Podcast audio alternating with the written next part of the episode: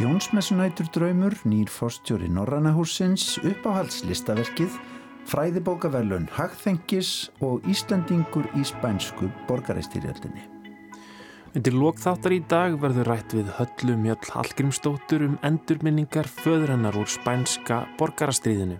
En Hallgrímur Hallgrímsson var einn nokkura Íslandinga sem barðist með spænska líðveldishernum gegn fasistum í stríðinu.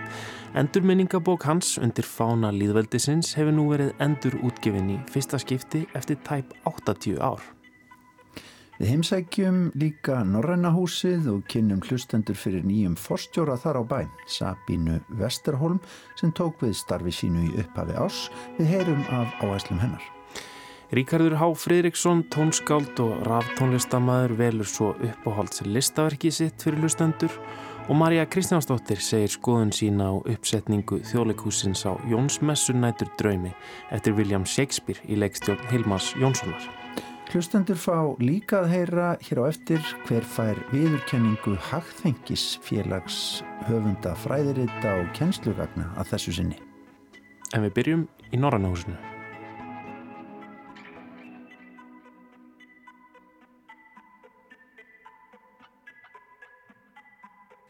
Vísjádagsins byrjum við á því að halda út í bæ, nánar tiltekið í Norrannahúsið okkar fallega sem að kúrir eins og perla í skjelinnan um byggingar Háskóla Íslands í Vasmírinni. Húsið, auðvitað hannað af finska arkitektinum Alvar Altó, helt upp á hálrar aldar ammæli sitt í fyrra og sent á ammælisárunu var til kynntum að nýr forstjóri hefði verið ráðinn til starfa við húsið og myndan taka við störfum í ásbyrjun nú árið 2019. Og nú leik okkur forvitni á hér í Víðsjá að hitta nýja direktören for det hele eins og það kallast þar á bæ. Hún heitir Sabina. My name is Sabina Westerholm and I come from Finland. Uh, but my mother tongue is Swedish, so that's what I use also here in, in Nordens Hus. Uh, my background is in the visual arts. I have worked uh, many years for this uh, Foundation in Finland that is working with Já, nýju fórstjóri Norrannahúsins heitir Sabina Westerholm og kemur frá Finnlandi en sænska er hennar móðurmál. Bakgrunnur hennar er byggður á aðkomu að myndlist en hún starfaði áður sem framkvæmdastjóri Stiftelsen Pro Artibus í heimalandi sínu sem hefur að markmiði að styðja myndlist á svæðum í Finnlandi þar sem töluð er sænska. Auk þess sem Vesterholm hefur komið að öðrum verkefnum, oftar en ekki norrænum í eðli sínu á sviði lista í heimalandinu en þó engum myndlistar. Hún lærði listasög við Óbo háskólan í Turku í Finnlandi og hún kunni vel við að starfa innan myndlistarsennunar í heimalandinu? Uh, yes, I liked it very much, and uh, that is, of course, something that I also want to bring inside this house more again, because I know that it has been a very important scene when it comes to visual arts previously. Og Sabína vil styrkja hlut myndlistar í starfi Norrannahúsins nú þegar hún er komin til starfa. Ég veit að hlutur myndlistar hefur áður verið sterkur í húsinu og ég vil viðhalda því, segir hún. Sabína Vesterholm er spennt yfir nýja starfinu sem hún er að finna sig í eftir að hafa komið að því í ásbyrjun. Hún sótti um starfið þrátt fyrir að hafa aldrei komið til Íslands áður. Uh, yes, I applied for the job. And uh, he, I had never been to Iceland before this, and when I signed the contract, I had never been to Iceland, so it was very, very, very exciting. Everything. We moved here with a whole family, with a husband and three children. Okay. So now we are all all here and been here for a couple of months. It feels very good. But I got interested in Icelandic art mainly from a project that I did a couple of years ago in Finland we had this uh, exhibition with 14 Icelandic artists that all came to Finland to do their do their uh, projects in this exhibition, and then I my eyes opened for the interesting art scene in Iceland, and for me it felt very exciting and international, maybe compared to the Finnish art scene. Okay. Yeah. You think so? Yes, I think so. I think it mainly is because of. Uh, the fact that many artists here study abroad and that way has like their connections to, to the international art scene. Þetta var spennandi en hefur hefnast vel, segir Sabína sem að flutti hingað með manni sínum og þremur börnum sem líst bara vel á sig á Íslandi, segir hún. En hún segir líka að hún hafi fengið áhuga á íslenskum listum í gegnum verkefni sem hún vann fyrir nokkrum árum í Finnlandi þegar hún kom að síningum með verkum 14 íslenskra myndlistamanna sem að komu allir til Finnlands til að vinna verkefnum sínum sem að tengdust síningunni.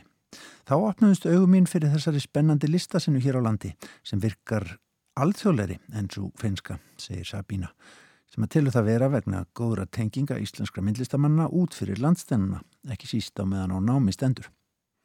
Hún segir að nálgun sín í fyrri störfum hafi verið en engum snúið að sænskumælandi í Finnlandi. Uh, we had a very broad program at this foundation. We worked uh, mainly with Swedish speaking artists, but uh, also with pedagogical work art pedagogical work, I started that program at this foundation and uh, also with public art.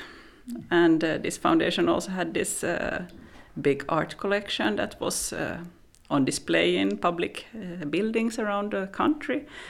And we also had two own galleries that we had exhibitions in all the time, so it was a very broad broad uh, context, but everything was around visual arts. So the interesting thing here is that uh, this is a scene for both visual arts, but also for uh, like uh, public discussion about Nordic values and uh, and current things in the Nordics, mm-hmm. and also literature and uh, music and all other kinds of arts. Störmin hafa líka snúist um fræðslustarf þegar kemur að listum, segir Sabína Vesterholm og hún stefnir að því að þróa frekar starfsemi Norrannahúsins fyrir börn og ungmenni. Það nýtist henni líka vel að hafa komið að verkefnum um list í almannarími en stopnuninn sem hún veitti forstöðu áður hafði um sjón með nokkur sapni verka sem dreift var um ofinbera byggingar og svæði í Finnlandi. En rekstrinum fylgdu líka galleri með síningarhaldi. Þetta var viðfæðum starfsemi, segir Sabína. Hér finnst mér hins vegar áhugavert að koma að starfi sem að snýst að hluta til um myndlist en líka um svo margt margt fleira. Norrænahúsið snýst um samfélagsumræðu og líðræði, norræn gildi, þætti í samtímamenningu Norðurlanda, bókmentir, tónlist og svo framvegis og svo framvegis. En hvernig var það fyrir Sabínu Vesterholm að koma til starfa í Norrænahúsinu í Vasminni? Uh, of course, as I come from Finland, this is uh, to come home.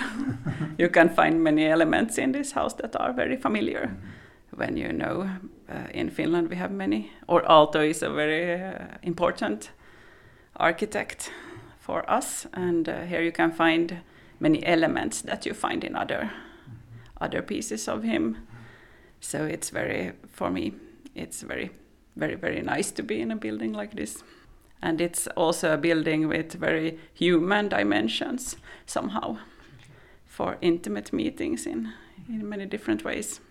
Það var dálítið eins og að koma heim, segir Sabína að koma hingað inn. Hér í húsinu er hægt að finna mörg element og ták sem að vísa í Finnland, finska skóa og náttúru.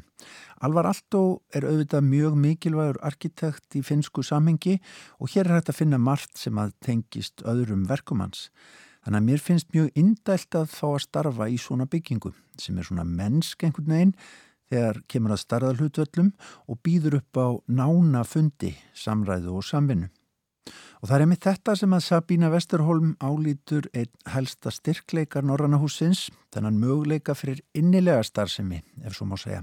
Norrannahúsið hendar vitanlega ekkert sérstaklega í stór viðburði, segir hún, heldur eitthvað náið og innilegt. En hvernig sér hún hlutverk fórstjóra Norranna húsins nú þegar hún er að ná fótfestu í nýju starfi? Uh, the nice thing with uh, changing directors is that when you come you of course bring your own history and your own background and you can you have the possibility to to influence on what happens. So I think that's the most interesting part of this. We have had very interesting programs here up till now and uh, some of them will continue and and other things will be new. Mm-hmm. But as I see it, uh, I will try to bring in uh, larger teams that we can work around so that we can uh, sort of uh, the whole team working around the same theme. Mm-hmm. both with arts and and uh, discussions and pedagogical works for children and young people. Það góða við að skipta út forstjórum fyrir húsið er að allir komi sínar áherslur að starfinu, sög og bakgrunn. Maður fær, tækifæri til að móta áherslur á spennandi vinnustad. Hér er margt gott sem hefur verið í gangi, það mun halda áfram og svo bætist eitthvað nýtt við. Mér langar að koma að starri þemum í hugsun okkar og dagskrá Þau þemu geti þannig haft áhrif á alla starfseminna, líst viðburði, fræðslu starf fyrir börn, umræðu fundi og svo framvegis. En auðvitað hefur menningalandslæðið í Reykjavík gjör breyst frá því að Norranna húsið kom til fyrir réttur um 50 árum. Í dag er það auðvitað ekki jafn miklu miðlægu hlutverki og það var áður á fyrstu árum í rekstrið þess. Sabína Vesterholm segir mikilvægt að halda góðu sambandi við samstarfsaðila út í bæ, stopnanir, samtök og einstaklinga um áframhaldandi kraftmikla starfsemi. Yes, I think we have to now uh, get in contact with uh, with the organizations, and we, we are in contact with the organizations all the time here. But listen to them and and also being speak to them and and hear what what they would like to to do together with us. Mm-hmm. For example, Reykjavik seems to be the city of festivals.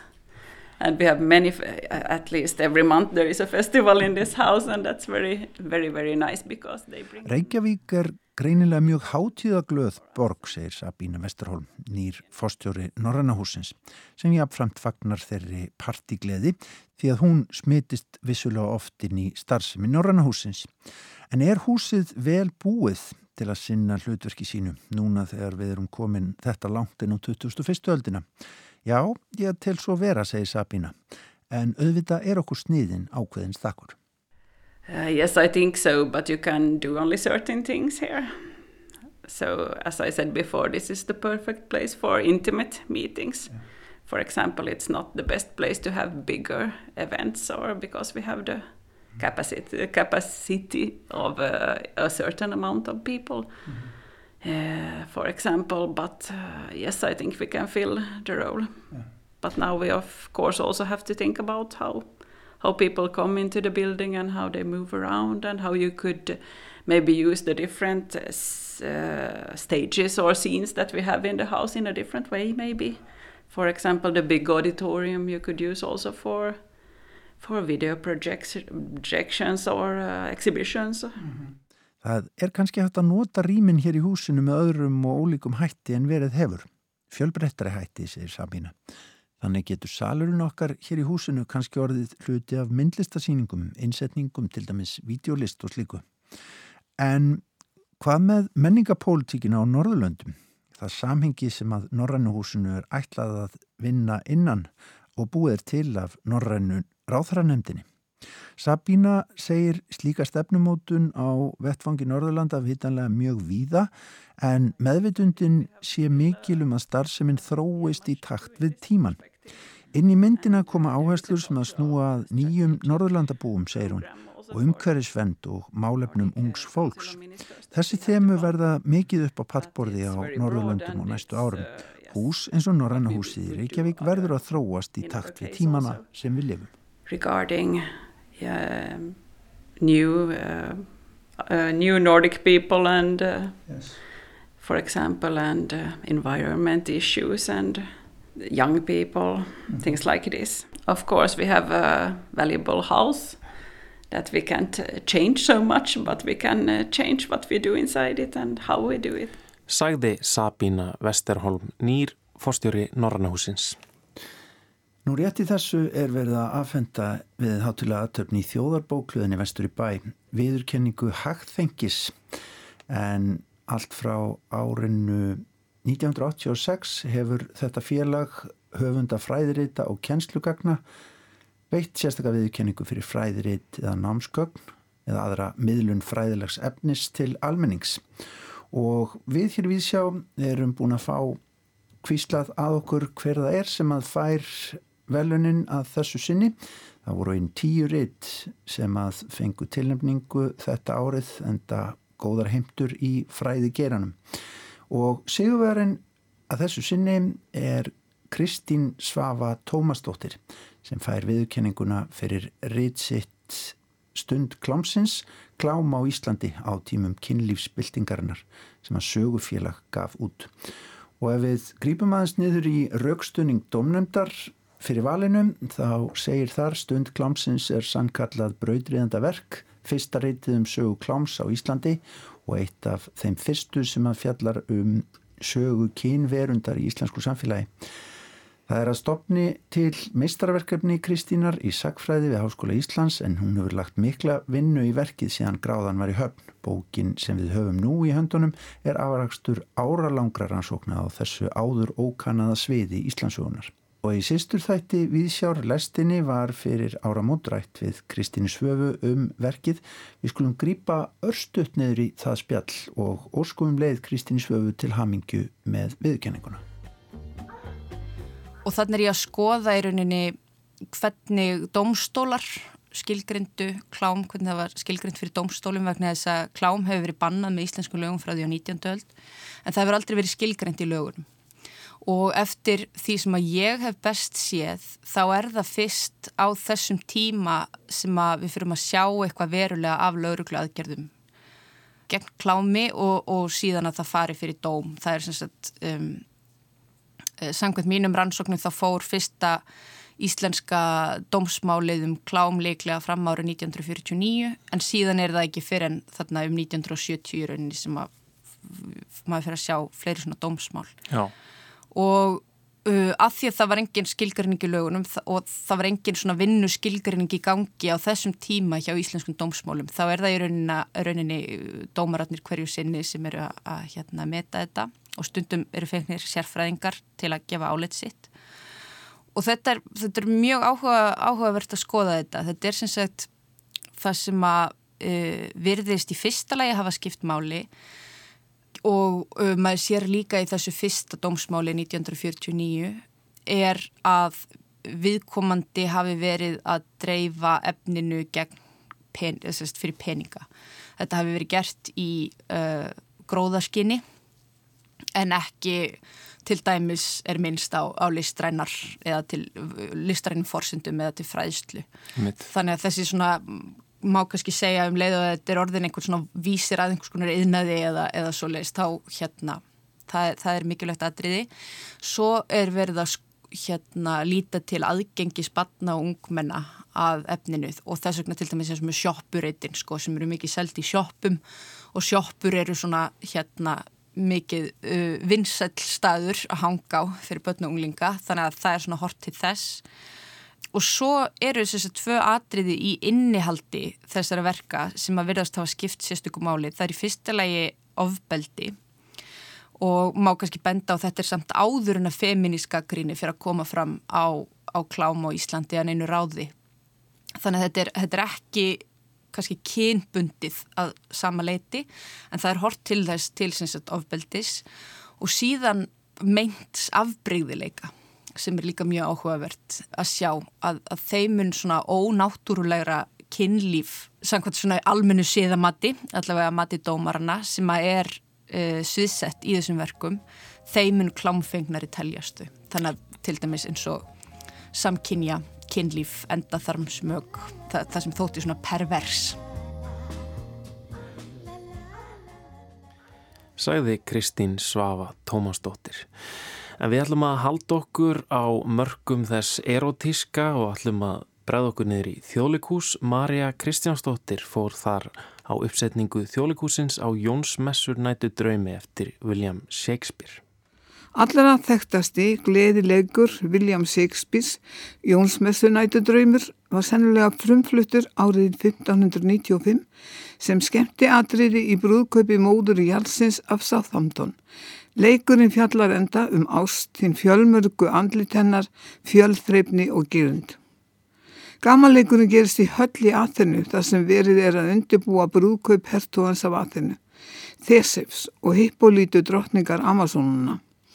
Ástfangið út fólk meðal gestana flýr undan feðraveldinum nótt út í skó þar sem fyrir eru Óberón, Olvakongur og spúsa hans Titania. Þau eru einnig mætt í brúðkaupið en bæði hafa þau fyrrum gamnað sér með væntalegum brúðhjónum. Sömu leiðis flækist þangað hópur yðnaðmanna sem er æfa leikþátt fyrir brúköpið. Óberon sem er þrúaður af aðbríðsemi gagvart henni óstýri látu títaníu skipar búka skósvinni sínum að sækja sér blómið ástarauga en safin úr því hefur þann eigileika síðan borin og og sofandi manna og vera að þau verða ástfængin af því fyrsta sem þau líta auga þegar þau vakna. Hvort sem það eru dýr eða menn. Búki framkvæmir skipanir herrasins en flækir þar nokkuð og stýrir þeim svo úrverður kostuleg framvinda. Þetta verk hefur ætið verið vinsælt viðfangsefni Evróskra leikúsa og mörg þekkt tónskáld hafa smíða tónlist fyrir það. Á 19. öld og fram yfir miðja 20. öld voru hefðbundnar uppsetningar ímist í romantískum stíl eða að hætti grimsæfintýra. Þetta breytist á 7. áratu 20. aldar vegna áhrif á pólska leiklistaprófessorsins Jans Kott og Ritz Hans Shakespeare á miðalvor. Þangað sótti leikstjórin Pítur Brúk hugmyndir í Rómaða síningu sína árið 1970 og eru flestar evróskar síningar síðan undir áhrifum frá þeim Kott og Brúk. Slikra áhrifam á einni kenna í síningu Hilma Sjónssonar sem frumsýnd var í þjóðleikusinu síðastliðin förstu dag. Eins og hjá Brúk fara til dæmi sömu leikara með hlutverk Þessefs og Hippolítu og Óberons og Títaníu og verkið er flutt fram í tíma. Grunnhugmynd Hilmas og hinn listræna teimis er þó gjör ólík. Höllin verður að hóteli aðhennu þar sem veruleiki og draumur saminast. Áhuga leikarnir sem leika leikriti í leikritinu ekki lengur yðnaðamenn heldur starfsmenn hótelsins. Bráðfinding læni í þýring Þóranis Eldjáns setur verki rækilega nýður í nútíma. Stundum orkaði hún nokkuð flött en það má vera að slíkt skrifist fremur á reikning leikaranna sem vissilega voru ekki allir að glansa í flutningi tekstans. En fallega hljómaði hann úr munni skemtanastjórans búka Guðjón Stavis Karlssonar. Og þöll reyndir gammalleikarar húsins mjölkuðu úr honum hvern dreytil.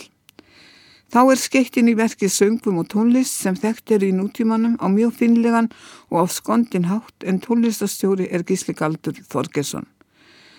Við okkur blasir í fyrstu andir í hins ofur ósmeklega hótelsaðfennu sem er á þremur hæðum og búningar hótelstarfsmanna renna saman við art deko vekkbóðrið á vekkjónum.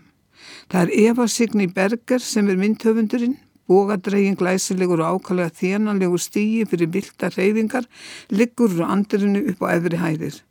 Öllu hótelinu komið fyrir á syngsviðinu, sé því snúið, vísar það stundum í glóbleikúsið hans Shakespeare's og þá er stutt í það að hótel okkar er jörðin klingi í höfði áhörfanda.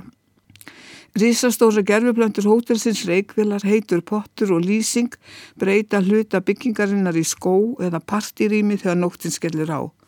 Og þegar það gerist er ekki alveg ljóst hvort maður er að horfa á grímudansleik, súlustad eða upptöku á dísætum popmyndmöndum undir stjórn skemmtarnastjórans.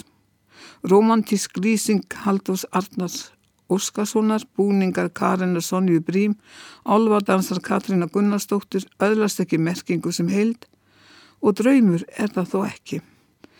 Erotísk er hins vegar Birgitta Björnsdóttir í sambandinu við indveska piltin og Bjarni Snæbjörnsson sem leikur hann.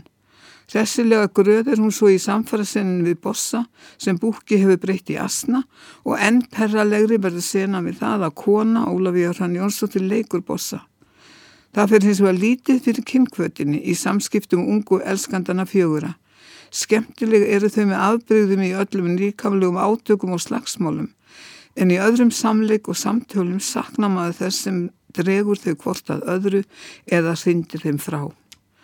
Stóran þátti því á klauvaleg nálgun á teksta og eintóna hábaði í rifrildum. Hér er vart við leikstjóra sakast því nýútskrifaði nefndur úr leiklistaskóla eiga hafa fengið betri mentun í samleik, rattþjálfun og skilningi á teksta. Það getur ekki leikstjóri kent þeim á einu æfingatímabili. Leikstjórun ber hins vegar ábyrða því að Ólafíja Hrönn leikur nú enn einu sinni miðaldra kallmann og leggur til grundvellar sitt allt er eko Hannes. Vissulega er Ólafíja Hrönn góð gama leikona og í samstarfinu við Hilmar þróar hún karakterin áfram.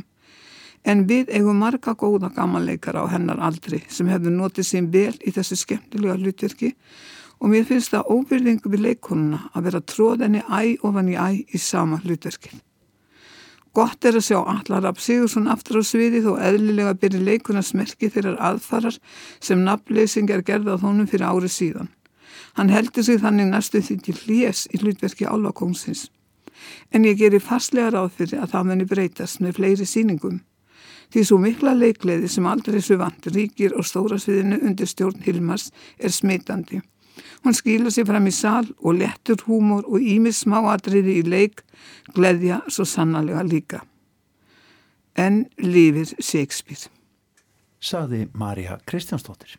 En þá komið að henni vikulegu áskorun hjá okkur hér í Víðsjá þar sem hlustendur segja frá sínum uppáhaldslistaverkum. Og nú er komið að Ríkardi Há Fridriksinni, tónskáldi og raftónlistamanni. Ríkardur, hvað er þitt uppáhaldslistaverk? Uh, já, fyrsta svæli spurningi var alveg svakalega erfið. Ég endaði, já því bara, já, ég bara er að fatta, ég hlusta og sé bara alls konar.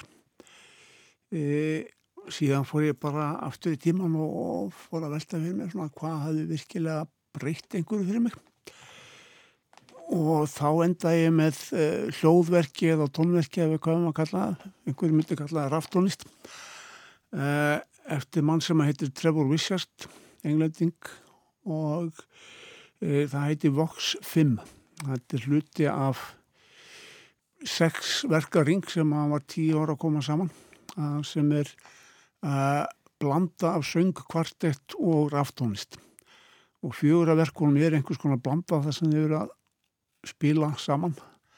Uh, en það sem hafði mest áhrif á mig var 50 kaplinn sem heiti bara venjulega Vox 5 sem að var reyni rafparturinn.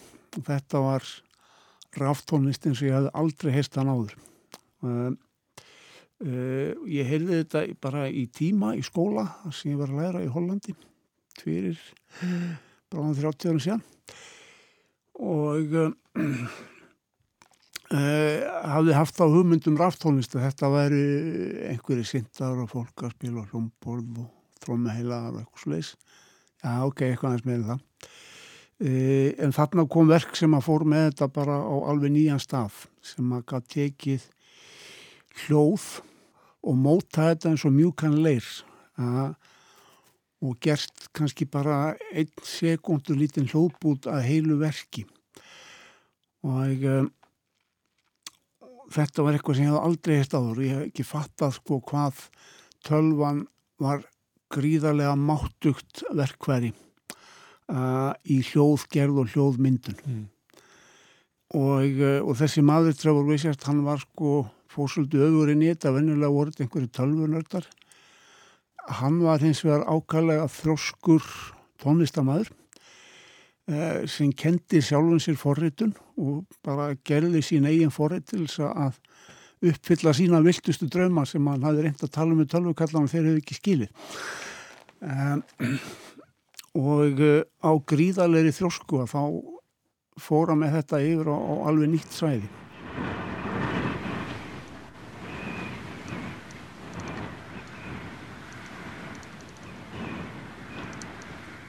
Það bættist við líka hitt sem að ég hafi kannski ekki alveg gert mér nú mikið grein fyrir áður.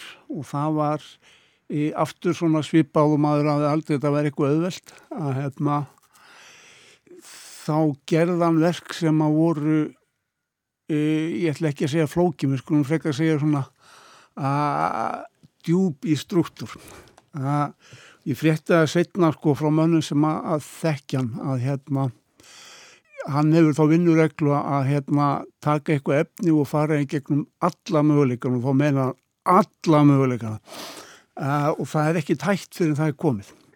Uh, og síðan er þetta allir möguleikanir uh, hristir af miklum aga saman í verk sem að sínir alveg gríðarlega mikla held í stóru sem smá. Og þegar ég segi smá þá erum að tala um smáatriði sem eru bara minnstu hljóðkott eru þarna eins og við getum ekki verið neinstar rannstar uh, og ég fatt að það er rosalega augljóst af þessum verkum að hefna uh, að það að fara svona langt að gera þetta svona vel er alveg ótrúlega mikil vinna. Mm -hmm. uh, og þú kemst ekki þánga nema með gríðarlegum aga og óskaplega mikill þrósku og vinnusemi. Uh, þessi verkaringur hans tók tíu ári smíðum. Uh, sem að tiltula hratt fyrir hann, það þetta er að meðaltali þá eitt og hálft ára verk. Uh, eitt og hálft ára kabla meðal lengt á milli verka hjá honum er venjulega sex ár. Uh, og hann er ekki lat það er ekki út af því. Hann er bara að vinna og þetta er svona mikið vinna.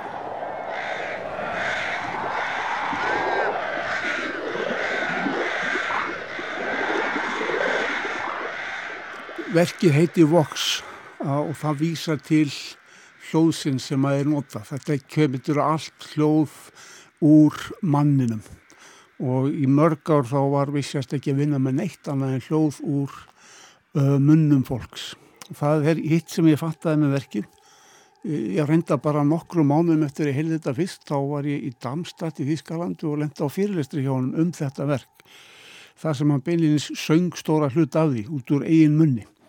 Uh, og ég fattaði að það hann er ekki bara svakalegt tölvutónskóld, hann er líka gríðarlega mikill rattlistamadur uh, og ekki í þeim skilningi að hann sé að syngja lög, heldur hann er að nota röttina til að mynda hljóð. Og maður gerir sér grein fyrir því hvað röttin er óendanlega tjáningaríkt tjáningaríku hljóðgjafi. Ég ætla ekki að segja hljóðfæri eða eitthvað svolítið, bara hljóðin sem að geta komið út og okkur er alveg ótrúlega vitt svið. Þetta verk er gert algjörlega úr hljóðum sem er úr hans munni og þau umbreyta síðan í, í ótrúlega hluti sko. Það, við heyrum fuggla að kvaka, við heyrum hesta neggja, uh, við heyrum bassatrómur, við heyrum mávækir, allt þetta kemur úr bara eldi einhverjum tveimur, þreimur bútum af hans rödd. Og e, já, fossar og hérna allsæla stíga frá himnum eða ég veit ekki hvað, það er að fullta hljóðum sem að maður vissi ekki að vera til. Yep. og allt þetta á sér upphaf í röddinni. E, og e, kannski bæta við að þegar þetta var síðan fluttatni í Damstad og þá fattaði fyrsta skipti líka að verkið var Eh, ekki þetta vennulega stereo sem að maður þekkti heldur var fyrir fleiri hátalara sem voru allt í kringum hann uh, og það var rosaleg ofinbyrjun líka að fatta hvernig tónlist og hljóð gæti verið magnað verkværi í þrýviður rými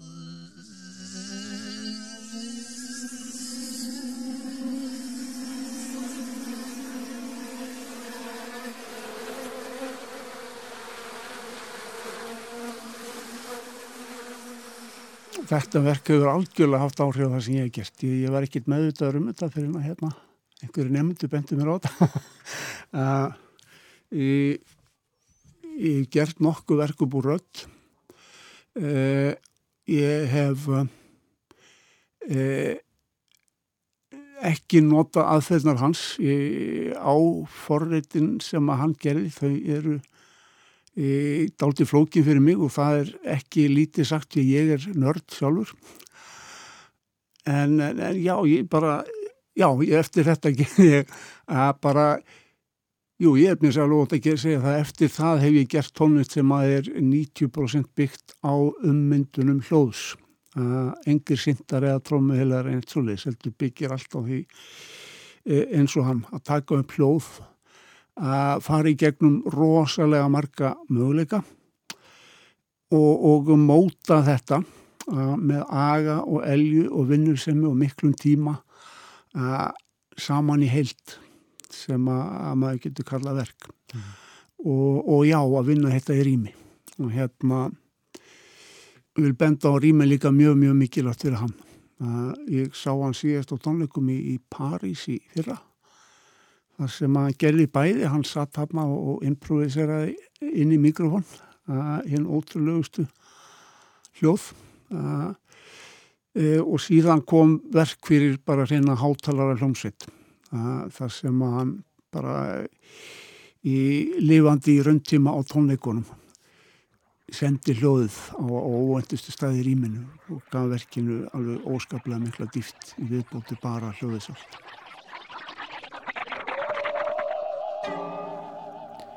þarna var það Ríkar Fredriksson sem að valdi sitt upp á halds listaverk fyrir hlustendur og skoraði að pranta Ólöfu Helgu Helgadóttur myndlistakonum að koma í viðsjá að vikuleðinni og segja frá sínu upp á haldsverki. Gott kvöld. Tyrkneskir fjölmilar halda því fram að Íslendingur hafi fallið í styrjöldinni í Sýrlandi í síðasta mánuði. Utanrikiðsráðunitið hefur ekki fengið staðfesting á þessu. Í dag, 7. mars, er eitt ár liðið frá því að tyrkneskir fjölmilar greindu frá því að íslenski aðgerðasinnin Haugur Hilmarsson hafi fallið í bardugum um borgina Afrín, tæmum tveimu vikum áður. Haugur fór til Sýrlands til að berjast með kurdum gegn hriðverkasamtökunum Íslamska ríkinu, hugssjónamaður sem vildi stiðja baróttu frelsi sinnaðra abla gegn yfirgangi fasista sem leituði trúareitningar til að réttlæta kúun, ofbeldi og gerðaði stjórn sína. Eftir að hafa barist gegn Ísis í henni mikilvægu orustum Raqqa hjælt hann til Afrín hérads að þér virðist til að taka þátt í vörn svæðisins sem hafi orðið fyrir innrás tyrkneska hersins undir stjórn hins stöðut gerðaðisleiri fórsetta Erdogan. Haugur var á 30. og öðru aldursári þegar hann kvarf. Frettir að hvarfi haugs vöktu mikla aðtikli enda langt síðan að Íslandingur fjall í stríðs átökum Fórtfísi og óbylandi hugssjónamennska hugs hefur vakið aðdóðun en á sama tíma hafa kveivarleg viðbröð íslenskra stjórnvalda verið til skammar.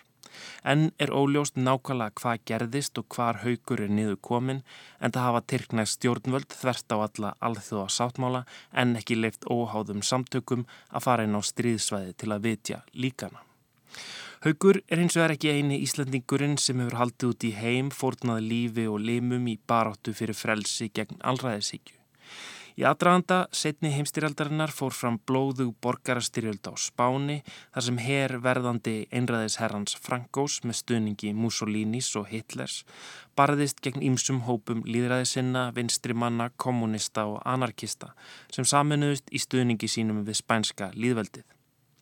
Um 35.000 manns ferðuðust viðsvegar aður Evrópu og Ameríku til Spánar til að berjast gegn uppgangi fasismans, meðal annars frá Íslandi. Að minnstakosti þrýr Íslandingar tóku þátt í Spánarstyrjöldinni. Eitt þessara hugssjónamanna, Hallgrímur Hallgrímsson, verkamaður og kommunisti, ritaði endurminningar sínar frá Spánarstyrjöldinni þar sem hann barðist með alþjóðasveitum líðveldishersins, elleftu bríkuðunni, meðal annars í bardaganum við Ebrófljót. Nú á dögunum kom út endur útgáfa af þessari merku bók undir fána líðveldisins sem hefur verið ófáanleg svo áratögum skiptir. Hallgrímur lést í sjóslisi árið 1942 þá á 30. öðru aldursári, jakkamall og haugur var þegar hann kvarf í Sýrlandi. Ég hafði upp á dóttur Hallgríms Hallgrímssonar, Höllumjöll, Hallgrímsdóttur og fekk að kíkja í heimsók og fræðast um föðurinnar. Kristján heiti ég. Sælverstu. Mann sem hún fekk reyndar ekki sjálfa kynnast almennilega en það aðeins eins og hálsás þegar hann lést.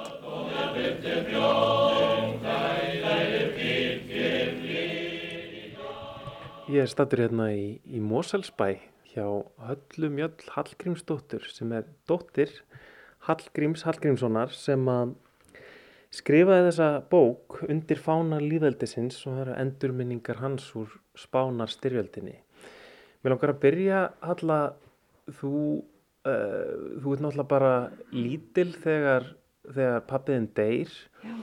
en hvernig, þegar þú varst lítil, hvernig var svona uh, rætt um, um pappaðinn? Það var svo sem kannski ekki mikið rætt um að þegar ég var barn en svona setna þegar ég komst í vitt svo ára þá var meira verið að koma til mín og segja mig frá honum.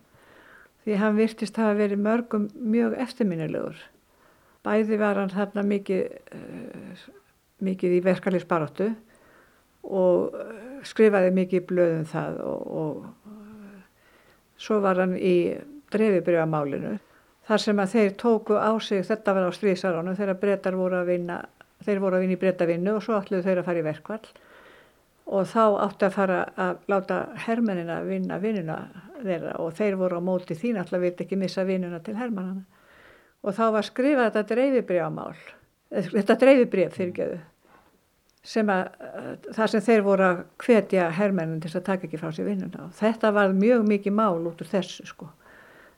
Og síðan voru þeir dæmdir tveir Egger Þorbjörnarsson og pappi minn þeir voru dæmdir í fangelsi fyrir þetta en það sanna var að þeir höfðu ekki skrifað brefi sjálfur en þetta var brefi skrifað að þeirra undirlægi þeir sem, þeirra sem voru í verkefnisbaratu þarna og það kom fram setna að það hefði verið skoskur hermaður sem hefði skrifað þetta fyrir þá mm.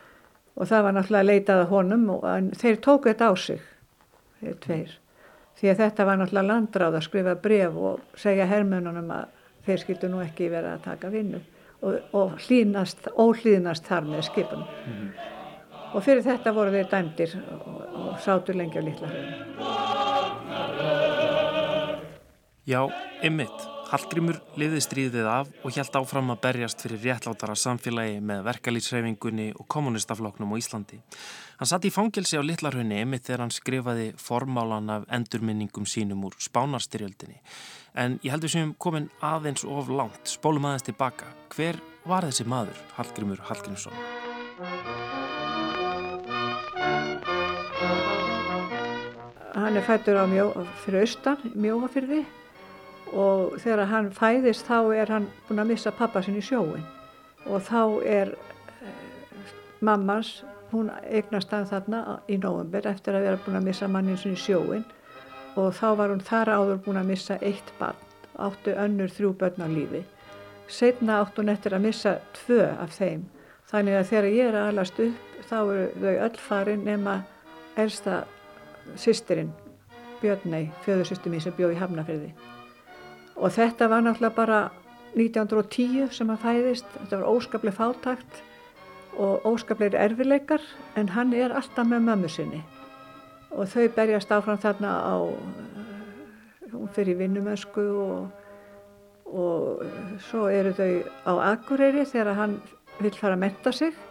Og hann kemst inn í gagfræðaskónu á Akureyri sem heitir þá gagfræðaskóli og gekk mjög vel í skóla og var mörgum eftirminnilegur, hann var glæsilegur og hann var eftirminnilegur mörgum. En svo hætti hann í skóla áður en hann útskrifaðist. Hann hætti eftir tvö ár. Þá kom upp ímis mál í skólanum sem að hann líka ekki.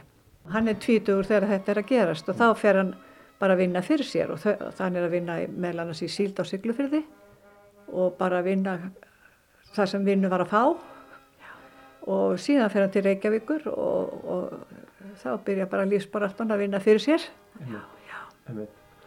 Og tekur þarna þátt í stopnun kommunistaflokks Íslands og, og er virkur í verkalýsbaráttunni um, en svo sem sagt um, fer hann líka til Rúslands eða ekki já, og, og, mentar sig þar. Já, já, hann fer til Rúslands Það var þannig að efnilegir ungir menn, kommunistaflokkurinn sendi efnilega unga menn til Moskvu og þar fer hann í tvo skóla. Og það er kannski ekki mikið vitað um það mm -hmm. nema hann var þar í skólum og svo kom hann heim og, og var sagt, að berjast fyrir verkaliðin fyrir sín vin, vinstri skoðunum. En svo fer hann til Spánar a las urnas socialistas que el triunfo nuestro ha de ser. Peleemos con denuedo Kvöldið lagðist yfir, kyrst og vingjarlagt. Við tókum sæti í lestinni og hagrættum okkur. En ekki var haldið að stað. Ég fór á stjájú, það var ekki um að villast. Þetta var ekki vennilegt ferðarfólk. Engir fínir menn með stóra töskur, ekkert hvennfólk eða börn. Allt menn á besta aldri. Fan okkur slöysir eða kalla og það sem var enn aðteglisverðara menn af ýmsum þjóðum. Þar gæti að heyra pólsku, þýsku, tjekknesku, ennsku, frönsku. Engin háfaða samtöluða sköll heldur kirlátt eftirvænting. Það var einkennilegur samhugur yfir öllum í vagnarinn. Þessir menn hlutu allir að vera sjálfbóðaliður. Kanski voru allir eftir fullaðin. Franko var náttúrulega hersöðingi á þessum tíma og herin og katholska kirkjan þær, þær vildi ekki svona nýjungar eins og að mm. vera kvennfrelsi og, og svona samfélagshugssjóni, það passa ekki. Þannig að þó að líðveldisserinn hefði haft löglega kostningu þá vildi, vildi hægraröfnum bara kollvarpa því. Það kemur ekkit fram í þessari bók, hún hefst svona bara þegar hann er lagður á stað og er komin til Parísar. Um, er eitthvað að vita bara hvernig þessi ákverðun fór fram hjá honum eða eitthvað svoleiðis eða þangagangurinn? Nei, það er eiginlega, það er eiginlega ekkit vitað. Mm. Því að hann sagði engum frá þessu fyrir að var farin bara. Já. Þannig að það er ekkit vitað sko. Mm. Nefna bara honum er hann blóðu til skildunar, eitthvað svoleiðis. Einmitt. Það er svolítið merkilegt að lesa þetta. Þetta er, auðvitað, þetta er spennandi frásögn og maður fær svona örlittlega einsýn í hryllingsstríðsins en, en hann er samt heldur ekkit að uh, gefa of mikið af svona, hann er ekkit voðalega tilfinningasamur eða hann er ekkit að, að, að blæða tilfinningun sínum þarna. Svona... Já, þetta er bara hans máti að gera þetta á. Já. Voru kall með nokkuð að flíka tilfinningum á þessum árum? Hörugleiki. Hörugleiki. Útivistinn á Hrossafælli var miskunarlaus og hörð. Svepptímanir voru ekki íkja margir, allan daginn slekti hinn spænska sömarsól allt dögt og levandi. Oft var engin vastrópi til í allir línunni. Matur kom aðeins þegar myrkriði grúfiði yfir. Var að vísu góður eftir aðveikum, því matstjórin Gerhard var óþreytandi framtags- og dugnaðarmadur, en skamturinn var jafnan skorinn. Engin liðsauki fyllt í skörðin, engin maður fekk að yfirgefa stöðvar sínar, menn urðu að liggja í opnum gröfunum dag og nótt með fasista hnjúkin gnæfandi yfir sér. Mínu jél sérkverðn dag, fallbessu sprengjur kvínandi í loftinu, kúlnablástur við eirun ef einhver gegðist upp yfir brjóstvörðina. Og hvaða stund sem var á nóttu eða degi gáttu árásir og gagnárásir hafist fyrirvara löst. Með því að allar eldgáttir hinn að þryggja hæða opnuðust eins og stutt var í án hnapp spúandi blíi og stáli út yfir anstæðingana. Egi gæti hjá því farið að þetta líf setti marksett á félagana. Allir voru úrvinda af þreitu, undatekningar löst voru taugarnar í ólægi af langvarandi ofrinsli. En það er eiginlega alltaf skemmtilega saga sem getur sagt líka. Ég fór eins til Spánar og var með, með, með þessa bók með mér og þar hitti ég hérna eh, Jón Ármann Hjeðinsson fyrirvenandi alþengismann og hann hafi verið í námi á Spáni og hann kvarti mig indrið til að fara til Ebrófljótsins og ég gerði það mm. og það var mjög merkileg upplifin að fara þangað.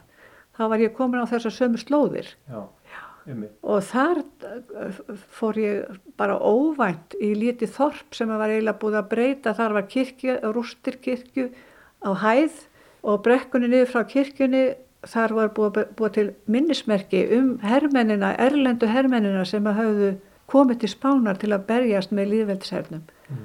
Það var bara mjög merkileg upplifun. Þannig að þeir, þeir eru ekki glemdir, þessir alþjóða sveit, þessir alþjóða hermennir sem kom að hjálpa líðveldshernum, þeir eru ekki alveg glemdir á spáni. Hér en fernen Vaterland geboren, samen nicht als harten Herzen mit, doch wir haben die Heimat nicht verloren, unsere Heimat ist heute vor Madrid. Ég veit að þegar þeir fórum Danmörku þar var þeim fagnar sem hetjum og þeir sem komu frá Norðurlöndum þeim var fagnar sem hetjum til þeir komu heim.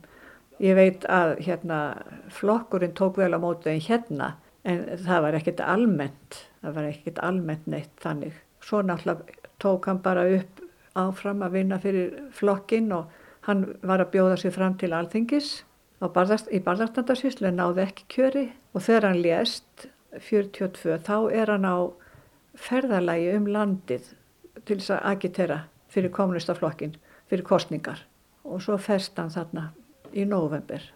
Þá er, tekur hann bát sem átt að fara fyrir Langanes og báturinn bara hverfur mm. og það fundust ekki sjóprófið að neitt að finnst þetta neitt um hvernig þessi bátur hvarf eða hvað mm. Og þar með var það búið. Og, og þannig er þú bara hvað, rétt eins ás? Eins og háls. Já. Já, þannig eins og háls ás. Þannig að, þannig að þið áttu bara lítinn tíma saman? Já, lítinn tíma saman. Því að hann er í fangelsinu þegar ég fæðist. Ég fæðist í júni 41 og þá er hann í fangelsi. Og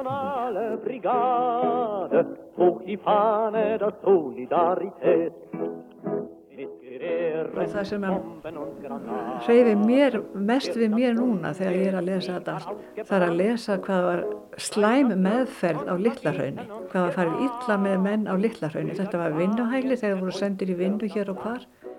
Hælisbyggingin var í gagngerðari niðurnýslu í smá og stóru og allir hlutir svo óhreinir að manni bauð við. Ber steingolf upp úr brotin, glukkar mjög fúnir og óþjættir, dyr víða úr lægi gengnar, víða op á veggjum með fram leiðslum og langt virtist vera liðið síðan málað hafði verið. Annað salerni húsins var ónótæft, hitt tæplega manni bóðalegt. Baðklefin, þar sem allir átt að þvó sér við eitt vask, mjög óaðlagandi sökum vanhyrðu. Pappi vildi bæta heiminn náttúrulega og hann vildi bæta þetta allt saman og komst upp á kant við fágjöldis yfirvöld. Og það sem að hreyfi mest við mér, það er hvernig við farum með hann. Illa, hann til dæmis satt í 52 daga í einangrun. Hann var ekki dæmdur einangrun. Heldur var þetta gethótt að ákveðinu fálgersis yfirvalda á staðnum bara. Hann var óhlýðinn og þá var hann bara lokaður inni. Þetta er uh, viðkjönd píningar að þeirri í dag. Það er þetta sem hreyfir voðalega mikið við mér.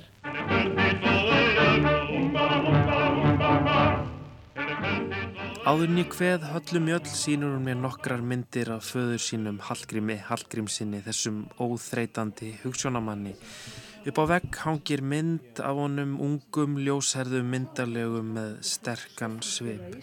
Hún sínir mér líka nokkrar velgerðar teikningar sem hann gerði af fjallstindum og andlitum. Það var augljóslega listræn taug í Hallgrími, taug sem fær emitt að njóta sín í endur minningum hans frá spánarstyrjöldinni undir fána líðveldisinn sem hefur nú verið endur útgefin eftir að hafa verið ófáanleg í tæp 80 ár.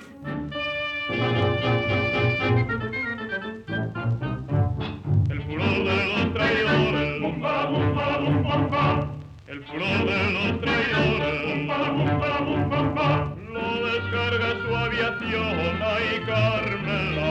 bumba Lo descarga su aviación Ay, Carmela, ay, Carmela ay Carmela, ay Carmela. Pero nada puede bomba, bomba, bomba, bomba, bomba.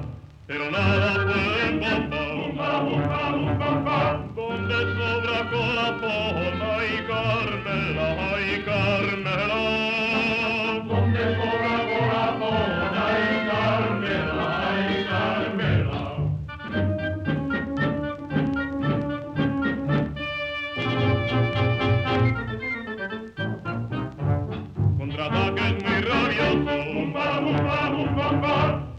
ataquen muy rabioso. Bumba, bumba, bumba, bumba. Deberemos resistir, ay Carmela, ay Carmela. Deberemos resistir, ay Carmela, ay Carmela. Pero igual que combatimos, bumba, bumba, bumba. Pero igual que combatimos, bumba, bumba, bumba.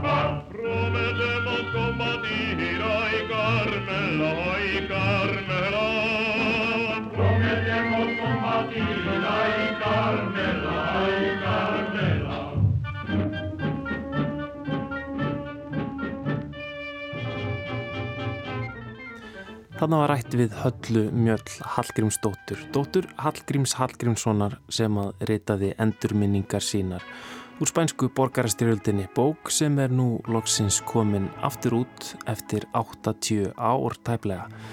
Það er Una útgáfuhús sem að gefur bókina út undir fána líðveldisins. Tónlistinn hér í lokin er söngur úr spænsku borgarastyrjöldinni El Paso del Ebro. Það er Rodolfo Halfter sem stjórnar kór og ljómsett.